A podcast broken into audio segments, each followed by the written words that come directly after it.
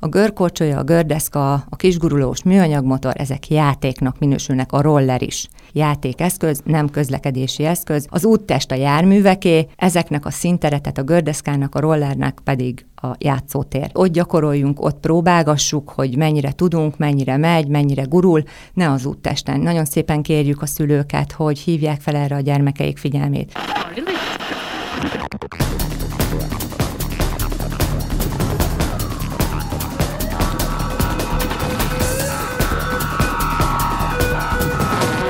A Nógrád megyei rendőrfőkapitányság podcast sorozatának második epizódjánál járunk. Tamás Kovács Andrea rendőrőr nagy a Nógrád megyei rendőrfőkapitányság baleset megelőzési bizottságának titkára a mai nap egyik vendége. Szia Andi, üdvözöldek! Szia, szia, szia Pisti! És Kerepesi Tímea, a Magyar Vörös Kereszt Nógrád megyei szervezetének munkatársa. Szervusz! Szervusz! A témánk pedig nyári szünet előtt járunk néhány nappal, amikor ezt a felvételt éppen rögzítjük, következik a szünidő, bár hát ebben a covidos időszakban végül is nagyon sok olyan nap, hét van mögöttünk, vagy akár hónap is, amikor a gyermekek sokat tartózkodtak otthon, de mégsem annyira szabadon, mint ahogyan a szünidő majd ezt eredményezi. Kiszabadultak az iskolapadból, biciklik, gördeszkák, görkorcsolyák előkerülnek, strandok megtelnek, játszótereken is zajlik az élet. Hát ezekről lesz szó. Nyári szünet kezdetekor, pandémi rendre szoktunk különböző sajtós vonalon találkozni, mert hogy kiemelt kampányt indítotok minden évben, figyelmeztetve a nyári szünet veszélyeire, azon belül is talán leginkább a közlekedési, de nem csak és kizárólag a közlekedési baleseteknek a megelőzésére. Mire tudjuk idén fölhívni a figyelmet, mire hívná fel a figyelmet a Nógrád megyei rendőrfőkapitányság baleset megelőzési bizottsága a vakáció idejét töltő gyermekeknek és egyébként úgy szüleiknek? Rengeteg kampányal készülünk egész évben, de a nyári szünet az az időszak, ami egy kiemelt fontosságú számunkra kampányidőszakilag, hiszen a, a vakációs kampányunk már június 15-én, tehát a tanév végén kezdetét veszi, hiszen a nyár, a vakáció ideje a közúti közlekedés szempontjából is rengeteg veszélyt rejt a gyermekek számára. A gyermekek az életkoruknál fogva sokkal meggondolatlanabbak, illetve tapasztalatok azt mutatják, hogy túlságosan bíznak is a közlekedés felnőtt résztvevőiben. A közlekedés azonban olyan váratlan helyzeteket hozhat, amelyek még az idősebb, a közlekedésben jártas felnőttek sem tudnak megoldani. Hogyha konkretizálnunk kell, vagy el is választhatjuk egyébként akár szekciókra is, mondjuk gyalogos formában közlekedhetünk így is, úgy is, amúgy is, majd átbeszéljük, de kezdjünk a gyalogos formában, hogyha ebből a szempontból nézzük, akkor a gyermekek számára mi rejt kifejezetten veszélyt fogalmazzunk így. A nyári szünetben, ha nem nyaralnak vagy táboroznak, akkor a gyerekek az idejük nagy részét otthon vagy a barátoknál, esetleg a nagyszülőknél töltik, amíg a szülők dolgoznak. Oda általában gyalogosan közlekednek. Ha még kicsi a gyermek, akkor mindenképpen érdemes ezt az útvonalat a szülővel együtt közösen végigjárni. Amennyiben kis településről, faluról van szó, ott nem nehéz a helyzetünk, nagyobb településeknél, városoknál azonban már a járművek forgalmát irányító lámpák, párhuzamos közlekedésre alkalmas utaknál útnál telepített kijelölt gyalogos átkelő helyek esetleg nehézséget okozhatnak a kisgyermek számára. Nagyon fontos, hogy ezeket az utakat a szülővel, a felnőttel végigjárják, megtanulják a forgalomirányító fényjelző készüléknek a jelzéseit, tehát nagyvárosról beszélünk, tehát az alapokon kívül, mint hogy szétnézés szabályai, tehát balra-jobbra-balra, ezt megtanuljuk, azt is, hogy hogyan kell a kijelölt gyalogos átkelő helyen milyen jelzésnél átkelni. Nagyon fontos az is, hogy megtanítsuk a kisgyermeknek, hogyha elmegy otthonról mondjuk egyedül, akkor mindenféleképpen jelezze valamilyen formában a szülőnek, nagyszülőnek, hogy hova megy, mikor ment el, és körülbelül mikorra várható haza. Az is nagyon fontos, hogy mindenféleképpen vigyen magával vagy láthatóságot elősegítő eszközt, vagy láthatósági mellényt, hiszen táborokban is elmondjuk a gyermekek részére, hogy elindul délután, estig eljátszanak, besötétedik, és akkor kell hazaindulnia. Ha ha nincs nála láthatósági mellény vagy láthatóságot elősegítő eszköz, és esetleg olyan útszakaszon kell át, ahol mondjuk nincs közvilágítás, vagy érint olyan útszakaszt gyalogosan közlekedve, akkor már egy veszélyforrásnak teszi ki magát. Tehát ezeket az apróságokat mind el kell, hogy mondja a szülő, nagyszülő, és ezeket mind át kell, hogy beszéljék a gyerekekkel. Jövünk, megyünk, talán a iskolai időszakban gyakoribb, én gondolom én, az olyan baleseteknek a előfordulása, amikor mondjuk parkolójármű, vagy éppen buszmegállóba álló autóbusz mögül, de hát azért a gyermekek többet vannak az úton, ugyanolyan hirtelenek tudnak lenni, mint mondjuk iskola időszakban. Gondolom én, hogy ez jellemzőbb a nyári hónapokra. Nyári hónapokra is jellemző valóban, az életkori sajátosságuknál fogva, tehát a magasságuknál fogva fokozott veszélyforrást jelent, ugye és egy parkolóautó mögül, vagy a busztakarásából való kilépés, az egy nagyon-nagyon erős kockázati tényező járművezetők részéről is, ugye nem veszik őket észre, nem számítanak rá, nem olyan formába számítanak rá, úgyhogy erre is kérnénk a szülőket, hogy hívják fel a gyerekek figyelmét, hogy például pattanó labda után szaladás, és akkor már egy parkolójármű mögül kigurul a labda, kilép, ez a leggyakoribb eset, és akkor megtörténik a baj, úgyhogy ha az útteste esik bármi labda, vagy bármilyen más olyan tárgy, akkor ne szaladgáljanak utána, hanem nézzenek, szétvárják meg a felnőttet, és akkor úgy menjenek érte elválasztottuk gyalogosra, biciklisre, és akkor válasszuk el a másik oldalát is, Vöröskereszt részéről a tapasztalatok érdekelnének, minden gondosság és minden odafigyelés ellenére azért csak történik sajnos baj, a gyerkőcökkel is, a nyári szünet ideje alatt. Mik a legjellemzőbbek, mi a tapasztalat? Gyalogosan közlekedő gyerekeknél is sokszor fordul elő baleset. Ilyen sérülések ugye lehetnek rándulások, zúzódások, ficamok, törés, illetve felületi sérülések, horzsolás, vágás, karcolás. Gyalogosan közlekedő gyermekeknél leggyakrabban ugye az úzódás, a rándulás és a törés, ami előfordulhat. Kisebb gyerekeknél ugye az agyrázkódás is, hiszen ö, arányaiban ö, tekintve ugye a fejük nagyobb, mint a, a testük, és ezáltal, mikor elesnek az esés következtében, ugye a fejük előbb ö, leír a talajra, mint ahogy a kezükkel ezt ki tudják védeni. Felületi sérülések, mint például a horzsolás, nagyobb ellátást ugye nem igényel, hiszen ez a vérzés hajszeleres, magától is elel, Sebkezeléseknél ugye a raktapasztal, steril fedőkötéssel szoktuk ugye ellátni a a sérülést, betadinnal fertőtlenítjük, esetleg szennyeződést tiszta vízzel kitisztítjuk.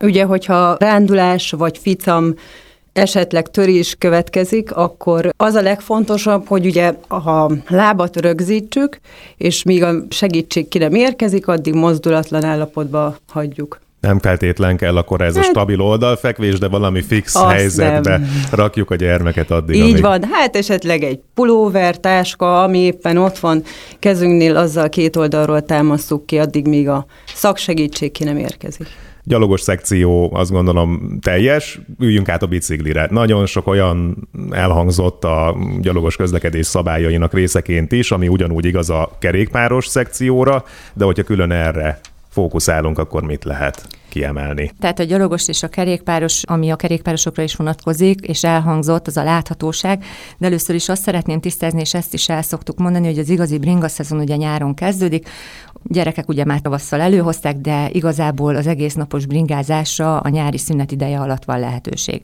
Nagyon kérnénk a szülőket arra, készítsék fel a gyereküket, hogy aki kerékpára ül, az járművezetővé válik. Tehát a kerékpár az egy jármű.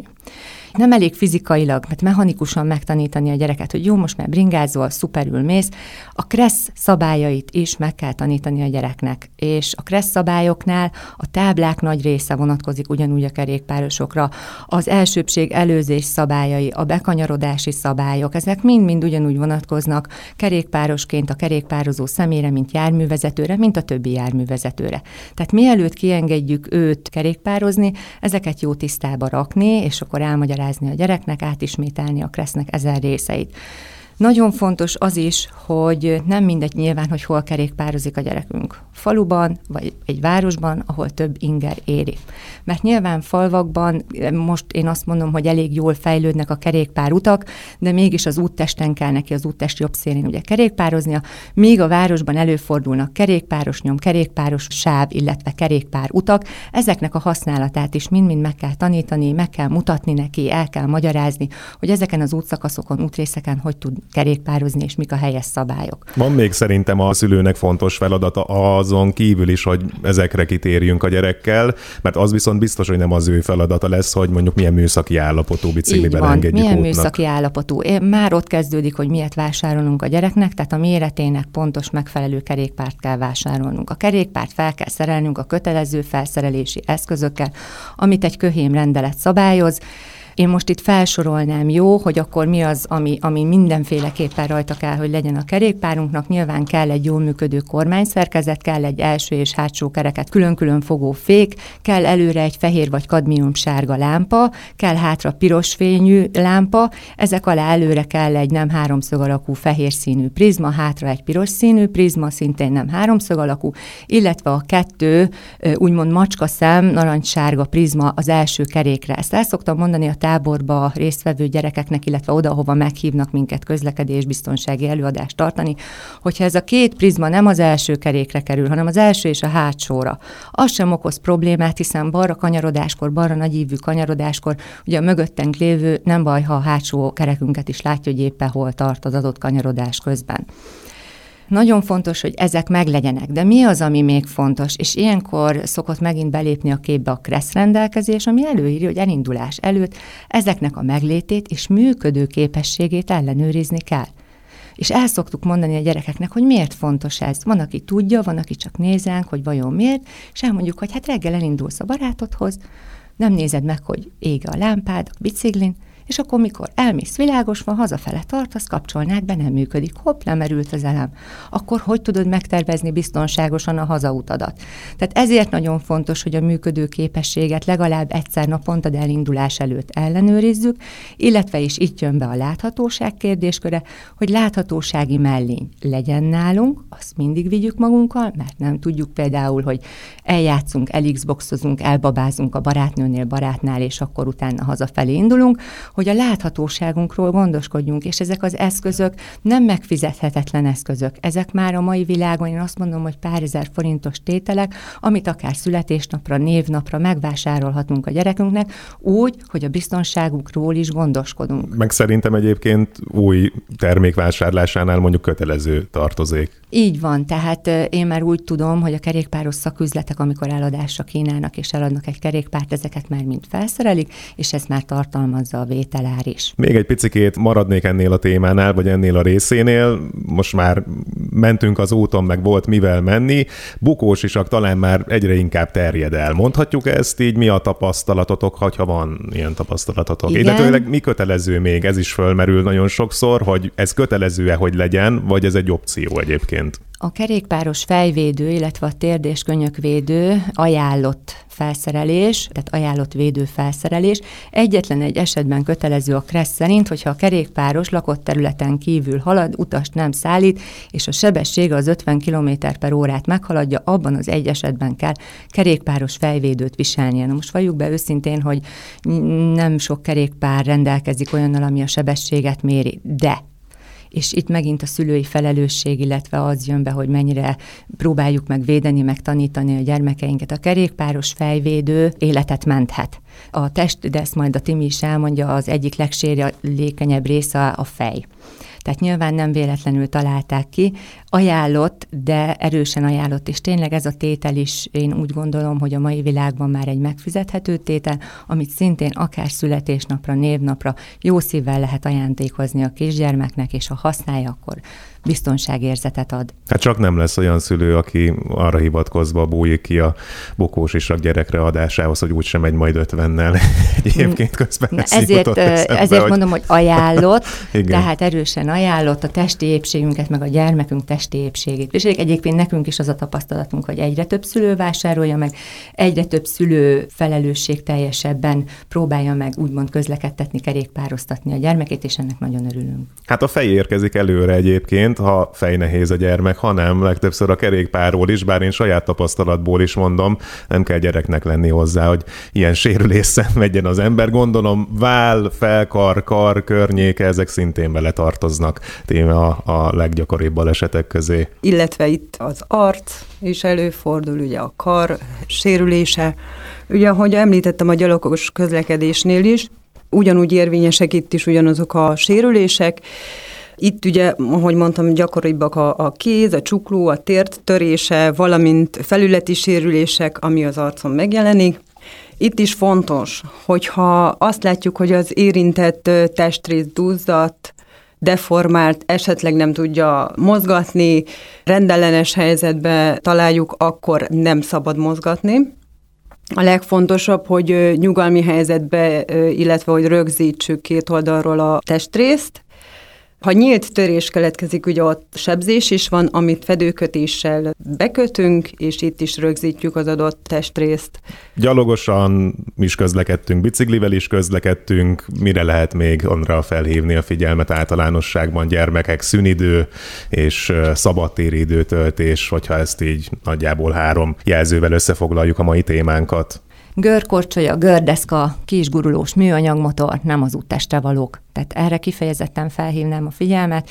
Nyári szünet, kerékpározunk, gyalogolunk szülőkhöz, barátokhoz ide-oda, és előkerül, hát akkor gördeszkával guruljunk, vagy a görkorival, mert az menő is, meg nagyon kényelmes közlekedési forma, meg eszköz, hát nem az. A görkorcsolya, a gördeszka, a kisgurulós műanyagmotor, ezek játéknak minősülnek, a roller is játék, játékeszköz, nem közlekedési eszköz. Az úttest a járműveké, ezeknek a színteretet a gördeszkának, a rollernek pedig a játszótér. Tehát ott gyakoroljunk, ott próbálgassuk, hogy mennyire tudunk, mennyire megy, mennyire gurul, ne az úttesten. Nagyon szépen kérjük a szülőket, hogy hívják fel erre a gyermekeik figyelmét. Amellett, hogy rettenetesen balesetveszélyes, hogyha az úton ilyennel kísérletezik, nem odavaló. Tehát ezek nem közlekedési eszközök. A, tudom, hogy ez nem a szülőknek egy feloldozás, vagy fogalmazzunk így, lakópihenő övezet, ahol mondjuk tábla is figyelmezteti a közlekedőket arra, ott játszik a gyermek ugye a kék táblán a labdával, hogy ott ott az úttesten előfordulhat ilyen tevékenység. Ettől függetlenül ugyanezt mondjuk? Én úgy gondolom, hogy igen. Tehát az úttest ott is a járműveké, tehát gyalogosan közlekedőkre nyilván a járművezetője számol mérsékelt sebességgel közlekedik ott. 20 km per óra sebesség a megengedett lakópihenő övezetben, de ennek ellenére a gördeszkának, a rollernek a játszótéren van a helye. Bicikliztünk, gyalogoltunk, fürödni is szoktunk, meg no pláne, hogyha már végre jó idő is lenne itt, amikor ezt a beszélgetést rögzítjük, az igazi nyár még mindig nem érkezett el, de reméljük, hogy mire a hallgatók hallgatják, addigra már valami azért nyáriasabb időjárás felé fogunk közlekedni, és hát fürdés szabad vizekben, Nógrád megyében ugye Bánki tófürdő az egyetlen olyan természetes fürdővíz, ahol hát szabályozott körülmények között, és hát megengedett, lehetséges, egyszerűsítsük le a fürdést. Hát ettől függetlenül azért be-be megy az ember, akár lehet, akár nem, szabadtéri vizekbe. Gondolom leginkább az lenne a tanács, hogy ne. Igen, szabad vizeknél, ha tábla jelöli, hogy ott szabad fürödni, akkor oda bemehetünk. Ha tábla nincs, vagy azt jelöli, hogy nem, akkor nem. Ez nem véletlenül van így. Elképzelhető, hogy bányató, vagy olyan szennyezett a víz, ami esetlegesen veszélyezteti az egészségét, tehát egészségkárosító hatása van, többféle oka lehet, amiért nem engedik a fürdőzést, de ezekben a tavakból nincs tábla, ami megengedi a fürdést, illetve tiltó tábla van, ne menjünk be. Hirtelen mélyülhet, nagyon hideggé válhat a víz. Ezt majd szintén a Timi elmondja, hogy milyen veszélyeket rejt, de nem mehetünk be. Szintén van egy szabály, hogy 6 éven alul, illetve úszni nem tudó, 12 éven aluli gyermek csak felnőtt közvetlen felügyelete mellett fürödhet szabad vízben. Jó, ha ezt is észbe tartjuk. És, tehát ez és minden szabad víz, ez minden szabad vízbe. Így van, ez minden szabad vízre vonatkozik, szűkebb hazánkba, illetve Magyarországon, tehát ezt a szülőnek be kell tartani, a, a kisgyerekkel is el kell erről beszélgetni, ha van a közelbe, tehát lakóhelyen, vagy, vagy nagymamánál ilyen szabad víz, hogy barátokkal, haverokkal, ha útnak indul, akkor tényleg csak olyan helyre menjen, ahol a fürdés engedélyezett, és ahol felnőtt felügyelete van. Andrea említette, hideg a víz, nagy hirtelen, görcs, fulladás, hát most nem tudom, belemenjünk akár természetesen abba is, hogy ugrálunk az 5 méter magas szikláról a sekély vízbe, gondolom ebből fakad itt a legtöbb probléma. Itt szeretném hangsúlyozni, hogy aki nem tud úszni, az ne menjen vízbe. A kijelölt strandolóhelyek, ahol ugye vízimentő szolgálatok vannak, abban az esetben ugye nyilván ez kivételt képez, de itt is csak addig merészkedjünk be a vízbe, míg biztonságosan leér a lábunk. Ahogy Andra is mondta, hogy a gyerekek mindig legyenek látható távolságon belül. Kifejezetten kerülni kell a bányatavakat, erős sodrású folyókat, mi elsősegélynyújtó oktatásokon ugye meg szoktuk kérdezni, hogy Vajon melyik a veszélyesebb? A sekély vagy a mélyvíz? Nyilván erre a gyerekek egyből azt mondják, hogy a mélyvíz, pedig nem, ugyanolyan veszélyes a sekélyvíz is, mint a mély. Ugyebár a sekélyvíz alját nem látják, és fejes ugrásnál Hát igen, ebből adódhatnak balesetek, illetve életveszélyes is. Mivel, hogy gerinctörést, esetlegesen nyaktól lefelé való bénulást, legrosszabb esetben halált is eredményezhet. Figyeljünk arra is, hogy felhevült testtel ne ugorjunk hideg vízbe. A hirtelen hideg hatás reflexes légzés megállást okozhat. Ha fuldokló szemét látunk, haladéktalanul hívjuk a segítséget, úszómestert, esetleg mentőket, és csak megfelelő tapasztalat birtokába kezdjük el a kimentést nem feltétlen csak a strandoláshoz kötődik, de talán elsősorban UV-sugárzás gyermekek, fokozott figyelmet igényelnek, úgy gondolom. Mi tudunk magunkra vigyázni, meg kenni magunkat, de hát ők nem feltétlenül erre gondolnak elsősorban, amikor végre kiszabadultak a napsütéses időjárásban. Strandon, játszótéren, de még kirendelés közben is ugye ügyelni kell a folyamatos UV-sugárzásra, ami ellen naptejjel tudunk védekezni. Fontos, hogy a nap folyamán többször is bekenjük ugye a gyermekeket, illetve fontos, hogy ügyeljünk a folyamatos folyadékpótlásra, a dehidratáció megelőzésére, ne tartózkodjunk sokáig tűzőnapon, még vízben sem. Kifejezetten kerülendő a 11 és a délután 3 óra közötti napozás, ugyanis égésű sérülést is okozhat. Ebből következhet a napszúrás, illetve a hőguta is. Napszúrásnál kisgyerekek esetében jelentkezhet enyhe láz, továbbá náluk veszélyesebb lehet az agy gyulladása is, ezért ha lehet, akkor adjunk baseball sapkát vagy légáteresztő sapkát a fejükre hogyha külföldön jár az ember, specifikusan most itt a vizekre egyébként nincs ilyen példa a fejemben, de magas hegyekre van, vannak speciális telefonszámok. Magyarországon gondolom én, vagy én nem tudok róla, hogy ilyet meg kellene jegyezni mondjuk, hogyha valami olyan helyen járnánk, de nem csak a 112 áll egyébként rendelkezésre. Most, hogyha valaki tényleg kibandukol egy bányatóhoz, az Isten háta mögé el se tudja mondani, hogy hol van, merre van, vagy hát nagyon nehezen tudja leírni. Van erre például applikáció is, hogyha jól tudom, ami GPS koordinátát is akár Így el van. tud küldeni, hogyha baj van. Így van.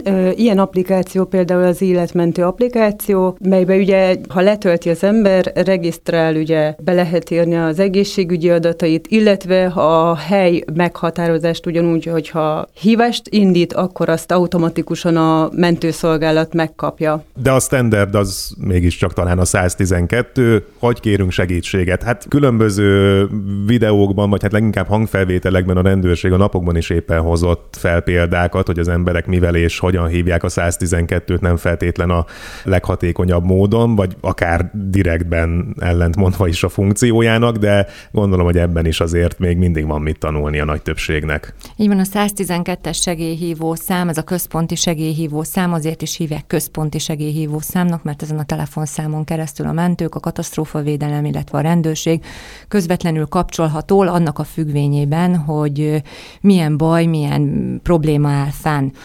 Való igaz, hogy nagyon sok esetben leterhelik a vonalat olyan kérdésekkel, ami inkább a tudakozó hatáskörébe tartozik, mint inkább segélyhívásra lenne alkalmas, de a gyereknek, a gyerekünknek, ha mm, ugye szüneten otthon marad mondjuk egyedül, vagy több órát tölt egyedül, vagy több időt tölt egyedül, én mindenképpen javasolom, hogy ezt a 112-es segélyhívó számot akár hűtőre, vagy olyan központi helyre a lakásba tegyük ki, írjuk ki, illetve egy kis lajstromot írjunk hozzá, hogyha esetleg baj van, akkor ezt a telefonszámot tárcsáz magyarázva, mit kell neki bemondania. Ami nagyon fontos a 112-es segélyhívó számmal kapcsolatban még, hogy akár vezetékes, akár mobiltelefonszámló teljesen díjmentesen hívható illetve nem szükséges hozzá még az sem, hogy hálózati elérése legyen, tehát ez az a szám az azért központi segélyhívó, hogy bármilyen körülmények között tudjuk tárcsázni. Ezt a gyereknek el kell magyarázni, el kell mondani. Nyilván első körben felnőttnek kell szólni, és úgy segítséget kérni, de ha egyedül van, akkor ha ez a telefonszám ki van írva otthon, és esetleg egy olyan mobiltelefon készülék is, ami akár nincs is feltöltve, vagy nincsen hálózat, de hívható ez a szám róla. Megpróbálom próbálunk most mi annak érdekében tenni, hogy a gyermekek is hatékonyan használják a 112-es segélyhívó számot, de néhány héttel ezelőtt egy öt éves kislány tett ezért szerintem a legtöbbet. Az egész ország megismerte az ő hangját és a történetét szerintem tényleg nagyon kevesen lehetnek, akik nem találkoztak vele. Valami fantasztikus volt hallgatni, hogy öt évesen, hogy instruálta ugye a hívásfogadó központnak a munkatársát, hogy édesanyával mi is történt. No de hogyha mégis valaki akár ezen felbuzdulva, akár minket halva most akkor végig gondolta, hogy tényleg megtanítja a kisgyermeknek azt, hogy hogyan is kell segítséget hívni, akkor mik a sarokpontok tíme Elmondanám, hogy én is mind a két gyermekemnek megtanítottam, már egész kicsi korukban tudták, hogy hogy kell, hiszen a mai modern világban már a gyerekek is használják a mobiltelefont, és ugye azt is érdemes tudni, hogy ha bajba kerülünk, akkor hogy tudjanak segít hívni. A legfontosabb, amit szülőként én is megtanítottam, hogy ne essenek pánikba. Hát ez a legnehezebb, ha, még a felnőttnek is van. egyébként. Ha telefonálni kell, akkor tudják, hogy a 112-es számot tudják hívni, illetve felmerült a kérdés a kisfiamba, hogy mit csináljon, mert ugye mindegyik telefon már új lenyomatos. Abban az esetben hogy oldja föl? Na már most ugye a telefonokat, ha felhúzzuk, van egy segélyhívó szám. Ezzel El... is érdemes megismerkedni, nem biztos, Így hogy mindenki van. tudta idáig. Úgyhogy anélkül, hogy feloldanánk a telefont, tudnak segít hívni. Első az, hogy bemutatkozzunk, elmondjuk, hogy hol történt az eset, a baleset, hogy mi történt és hogy hány sérült van. El szoktam mondani a gyerekeknek azt is, hogy ha ugye a, a kapcsolatot felvették a segélyszolgálattal, akkor nehogy lerakják a telefont, mert ugye ők nem tudják még elmondani a telefonszámot, úgyhogy ha esetleg visszahívni kellene, akkor nem tudják őket. Ne legyen rá szükség, talán azt tudjuk kívánni, meg azt meg remélni tudjuk, hogy talán tettünk azért ezzel a beszélgetéssel, hogy néhány témára, néhány sarokpontra fölhívtuk a figyelmet. Andrea Tímea, nagyon szépen köszönöm, hogy rendelkezésre álltatok. Köszönjük mi is köszönjük szépen, mi is. Kellemes vakációt kívánunk mindenkinek.